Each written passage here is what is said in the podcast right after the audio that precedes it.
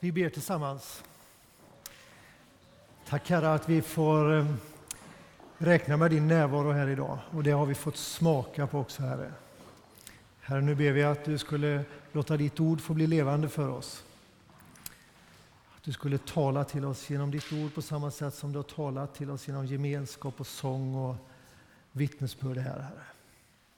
I Jesu namn. Amen. Jag är pastor i grund och botten.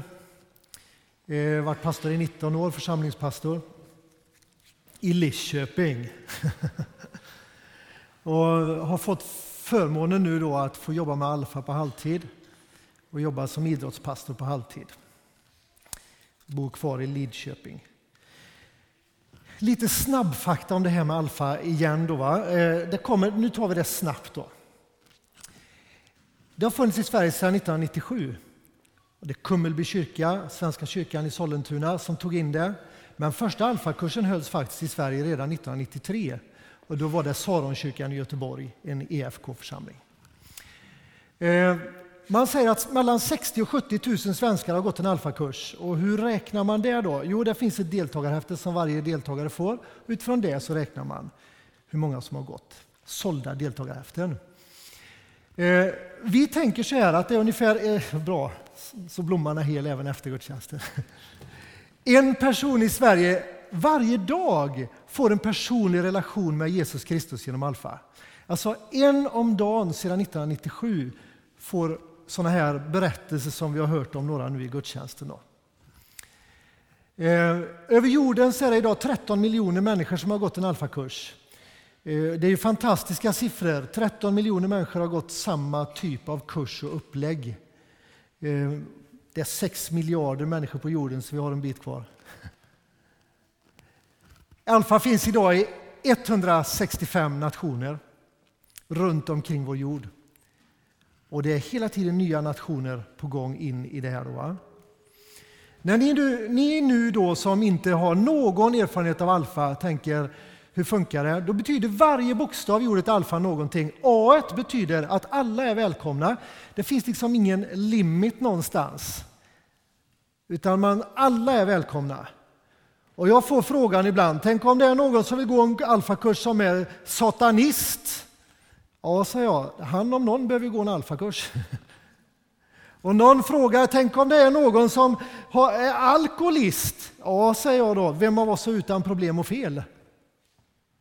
Det är bara det att jag döljer mina fel bakom en svart kavaj och en del har svårare att dölja sina problem. Det tillhör liksom livet. Vi har olika saker att brottas med. Så säger vi alla är välkomna, så är alla välkomna. L står för att man ska kunna lära med ett leende. Och det ska vara en trevlig kväll. Man käkar tillsammans, man får ett föredrag, man dricker en kopp kaffe och man har ett samtal. Enkelt. Men det är, ska vara trevligt. P står för just gemenskapen. Man måste äta någonting som börjar på P. Det är en viktig princip för Alfa. Pasta, popcorn, potatis. Eh, vad finns det mer? Pommes frites. Eh, pornärtskockor. Nej, nej, nej. nej det, palt, ja. ja. Nej, det står för den prestationsfria gemenskapen runt måltiden. Vi har en som har gått en alfakurs nu hos oss. Hon stänger sin butik klockan sex. Och antagligen när man låser en butik, jag har aldrig gjort det, för jag är ingen företagare, så har man lite efterarbete att göra. Och sen kommer hon till kyrkan halv sju och kanske haft en hel stress idag. Då ska man kunna sjunka ner där runt matbordet och prata om Åh, vilken vecka det har varit. Alltså, Åh, har du klippt dig? Jaha, vad, vad trevlig du ser ut i håret denna gången. Nej. Det ska vara en skön gemenskap. H står sedan för hjälpa varandra. Samtalsgruppen, den där gemenskapen som blir där, den är så viktig. För där lyfter man upp det som ploppar upp under föredraget och där får allt bubbla, allt får komma upp. Och man har ungefär en timme på sig där och man avbryter efter en timme. Om man sagt att det är slut nio så är det slut nio. Även om samtalet är hur hett och intensivt som helst. Just för att människor ska kunna, man ska respektera människors tid. Sista A. Allt får frågas. Det finns inga dumma frågor, inga konstiga frågor. Eller så här då. Och då kan man fundera över, behövs verkligen detta i vår tid? Ja, då kommer ett bibelord här nu. Och ska få se här, det är Paulus som säger i Romarbrevets 15 kapitel och den 20 versen, så säger Paulus så här. Jag har alltid satt en ära i att inte förkunna evangeliet där Kristus redan är känd. Jag vill inte bygga på en grund som någon annan har lagt. Alltså, Paulus han menar vi måste nå ut till nya människor om vi har ett budskap som faktiskt innebär evig gemenskap med Gud. Då måste vi ut med det. Vi behöver inte smyga med det här, för det här räcker till alla. Det finns det räcker och blir över. Och Paulus han hade ju målet att få inta på något sätt Europa med det här. Då, va? Och han kom en bra bit på vägen och sen har det ju rullat på. Så nu finns det över hela jorden idag. Och Det här är en princip tycker jag i tänket för Alfa, att få ge vidare till någon som ännu inte känner. Behövs detta i Sverige idag kan man ju fundera över. Titta på den här kurvan som kommer här. 1985, alltså längst däråt på bilden, så bestod Frikyrkosverige av lite drygt 300 000 medlemmar. 20 år senare, det vill säga 2005, så bestod Frikyrkosverige av lite drygt 200 000 medlemmar. Alltså, frikyrkan i Sverige tappade 100 000 medlemmar på 20 år. Och fortsätter den här utvecklingen så här så är det över för frikyrkan i Sverige 2050. Och Det som blir mitt bekymmer i detta det är inte att det kommer stå massa tomma kyrkor. Utan det som blir mitt bekymmer i detta, när jag tänker, det är att människor tror inte på Jesus. Det blir allvaret i det här. Att vi i Sverige överger vår identitet i Kristus. Och vi i frikyrkan, i kristenheten i Sverige, vi lämnar det. Det blir allvaret för mig. Och då kan man ta det här, och nu kommer vi in på predikan, mina tre ord. Då kan man ta det här på olika sätt. Man kan se utmaningen i det här. En del av oss tänker så här, ah, är det så illa? Jag tror jag hoppar över kyrkkaffet idag, jag orkar, jag orkar inte mer.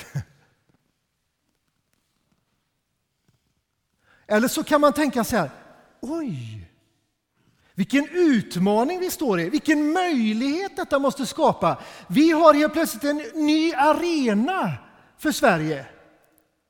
Nya förutsättningar, en ny spelplan. Det är nya saker som gäller för att få den här trenden att vända. Och jag vill att vi ska se det på det viset, att vi ska dricka både en och två och tre koppar efter det här av uppmuntran.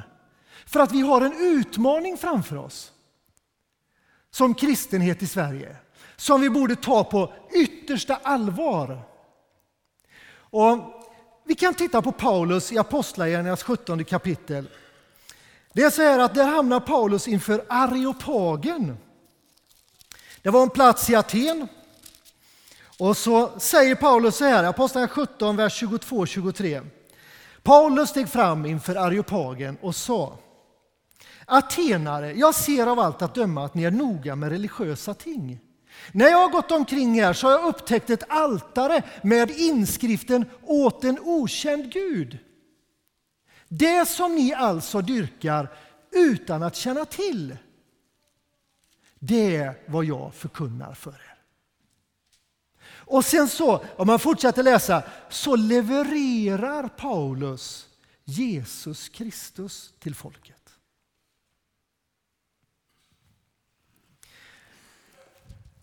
Att frikyrkan idag tappar mark, att medlemsantalet sjunker i våra kyrkor, det betyder inte att det andliga sökandet minskar, utan det andliga sökandet i Sverige idag tror jag ökar. Problemet är bara att kyrkan, vi som då står för de här värderingarna och tillhör en kyrka på något sätt, har blivit förflyttad från att vara en kyrka mitt i byn till en liten institution i ett hörn av det andliga sökandet. Det finns så mycket mer på den andliga kartan idag än vad det gjorde om vi går tillbaka några årtionden i tiden i vårt land. Och det här skapar en enorm utmaning för dig och mig. För några veckor sedan, det var vecka 33, så hade vi ett hockeyläger i Lidköping. Ett kristet hockeyläger, vi hade ett par instruktörer från Kanada och det var 75 killar som var med på det här lägret. Ungefär två av de killarna tillhör en kyrka. 73 stycken ungefär, 70 säger vi så har vi inte överdrivit, kommer rätt utifrån en, en, ett sammanhang där man inte springer benen av sig i kyrkan. Och på det här hockeylägret så varje ispass avslutas med bön i mittcirkeln. Killarna böjer knä, knäpper av sig sina hjälmar och så tackar man Gud för att man har fått åka skridskor. Och sen så innehåller varje dag ett life-teoripass, det vill säga en halvtimme där vi pratar med de här killarna, för det var bara killar med på det här lägret, om kristen tro. Oftast utifrån ett enkelt vittnesbörd. En av dagarna så var det en, en eh, man där som heter Peter Cartrier. Han är musiker och filmmakare och lever i Stockholm. Peter har ett väldigt brokigt förflutet så här. Och han eh, spelade hockey tills han var 14 och då platsade han inte längre och då la han skridskorna på hyllan. Eh, och Peter berättar rakt upp och ner om sin kristna tro. Dagen efter kommer en mamma till mig. I klubbrummet i ishallen i Lidköping och så säger hon så här. Du Anders, den där killen som var här igår. Det verkar vara intressant. Du, han blev frälst va? Ja, han eh, fick en tro, säger jag. Ja, det var spännande. Alltså det där vittnesbördet berör människor. Man blir nyfiken på vad kristen tro handlar om när man enkelt, uppriktigt och ärligt säger så här tänker jag. En annan man kom till mig i hockeyklubben där och så säger han så här, Anders jag har sett att det ligger sportbiblar inne på kansliet, och det är sekreteraren i hockeyklubben. Och, och det ligger sportbiblar där inne på kansliet. Får jag ta en? Ja, det är klart du får ta en, sa jag. Ja, du vet, jag läser i den. I Bibeln alltså. Alltså det andliga sökandet i Sverige har inte minskat. Det har ökat. Men vi, frikyrkan och kyrkligheten i Sverige, tappar mark. Det där blir en utmaning till oss. Paulus, när han då står inför Areopagen, så sätter han namn på människors tro. Jag ser att ni är noga med religiösa ting, säger han. Jag har upptäckt ett altare med inskriften åt en okänd Gud. Jag tror att vi är där i Sverige idag. Människor söker, men man kan inte sätta namn på sin tro. Vi är lite som i samma situation som Paulus var. Att det är dags att vi sätter namn på tron åt människor. Inte regler för det kristna livet. Utan namn på den kristna tron. Jesus Kristus. Jesus han säger ju så här, jag är vägen, sanningen och livet. Han säger inte så här, jag är en av vägarna. Han säger faktiskt, jag är vägen, sanningen och livet. Och jag fick tag på detta 1978. Gode Gud, låt aldrig det slockna i mig. Jesus, eller Johannes berättar i Johannes 3.16 så här. Så älskade Gud världen att han gav den sin enda son för att var och en som tror på honom inte ska gå under utan ha evigt liv. Vilken utmaning vi står inför. Att ge evangelium så det skapar en längtan efter Gud. Och här tror jag att Alfa kan få vara ett alldeles utmärkt redskap. Det andra ordet i predikan det är uppmaning. Lyssna på de här bibelorden. Det är Paulus i första Korintierbrevets 15 kapitel och den tredje versen. Så säger han så här. Bland det första jag förde vidare till er var detta som jag själv hade tagit emot. Att Kristus dog för våra synder i enlighet med skrifterna. Paulus sa, bland det första jag förde vidare till er. I första Thessalonikerbrevet så säger Paulus här, stå alltså fasta bröder och håller till de läror som vi har fört vidare till er. I Matteus 10.8 så står det så här, ge som gåva vad ni har fått som gåva. På något sätt känns det som om livsstilen i Bibeln handlar om att ge vidare det vi har fått som gåva. Och I detta fallet så handlar det om att ge våran tro vidare i vårt land. Och Då tänker några av oss här, ja men Anders, jag kan inte berätta om min tro. Jag vet inte hur man pratar om sånt. Jag tror att det handlar så mycket mer än bara om din berättelse med munnen. Det handlar om hela vår livsstil. Att få vara en förebild. Och här, om vi plockar in Alfa här, så tror jag att varenda en av oss här inne skulle kunna hitta en roll i ett alfarbete. Nu är jag ju alfanörd, det fattar ni ju. Så det är inte så konstigt att jag säger så här. Men lyssna nu, vad händer i en alfakurs? Jo, någon ska laga maten. Någon ska be för ledarna och för deltagarna och för inbjudningarna. Någon ska hålla föredraget, någon ska vara samtalsledare och någon tar med sig människor. Alltså, du kanske sitter där som känner så här, ja, men jag älskar att laga mat. Ja. Och kan laga käket någon gång. Någon sitter där, nej jag vill inte gå ut på kvällarna. Nej men, du kanske kan vara en förebedjare. Du kanske kan få listan från alfaledarna på alla som går i höst här nu. Deltagare, ledare och matlagare och alltihopa. Och så kan du få vara med den kvällen hemma i din fåtölj. Och be till Gud att det ska få bli en bra kväll. Där Gud är närvarande.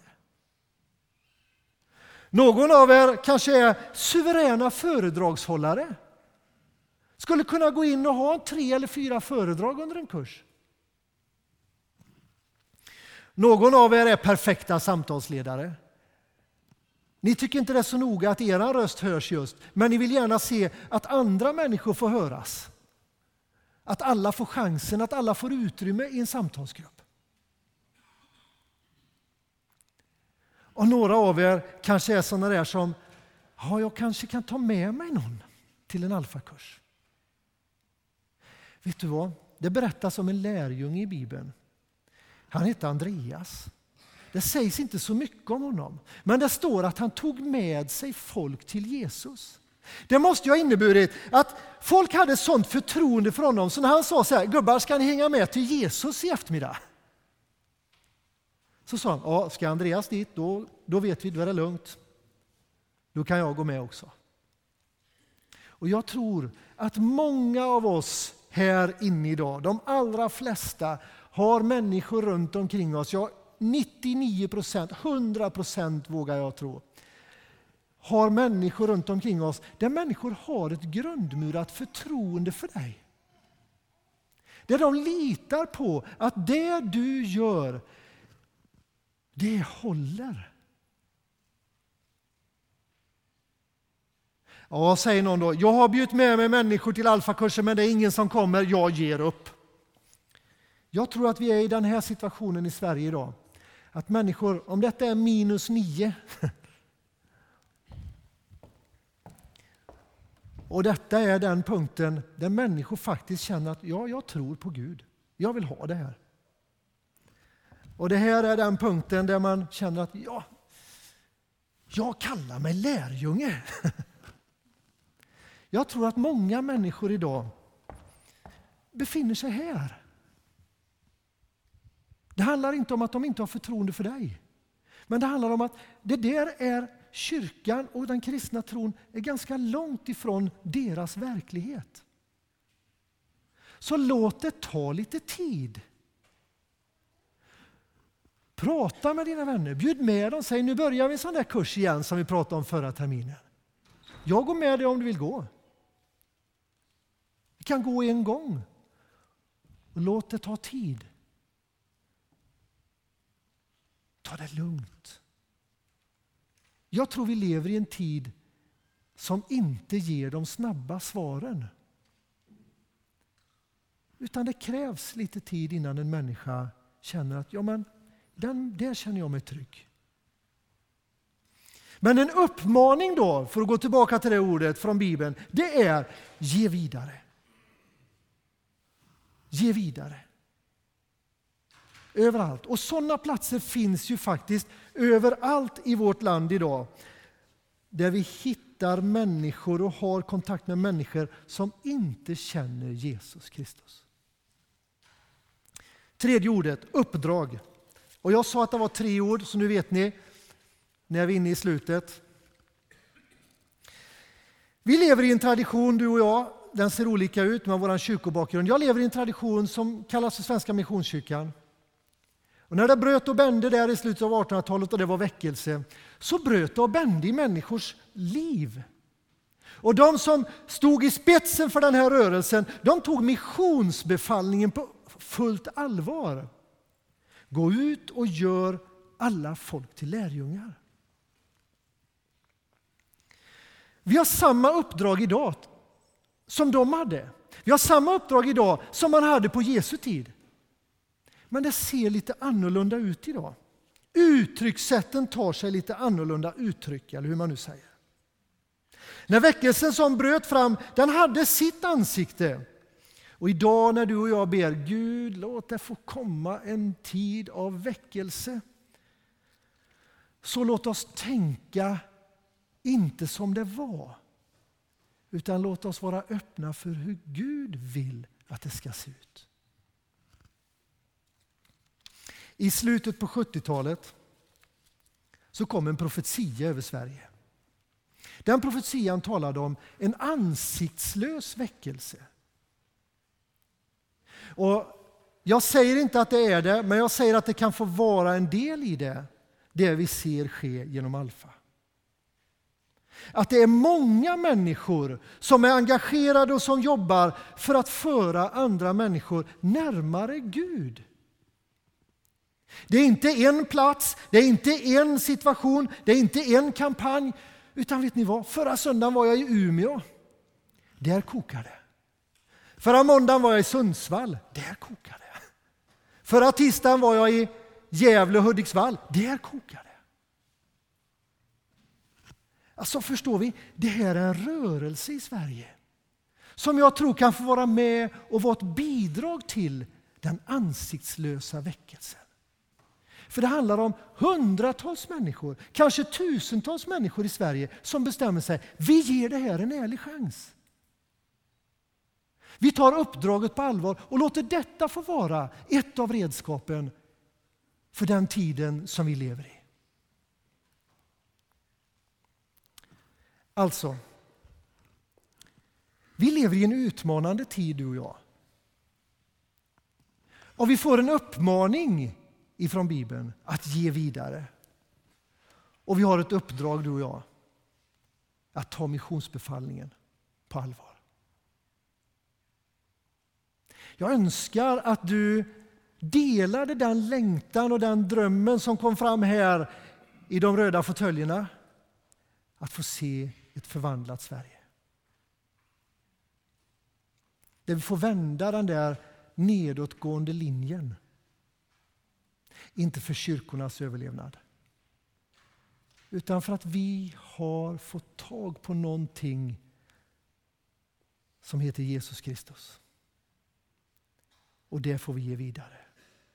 Jag önskar att du delade den längtan, den drömmen och den bönen med mig. Och att vi lät Gud få drabba oss. En gång till.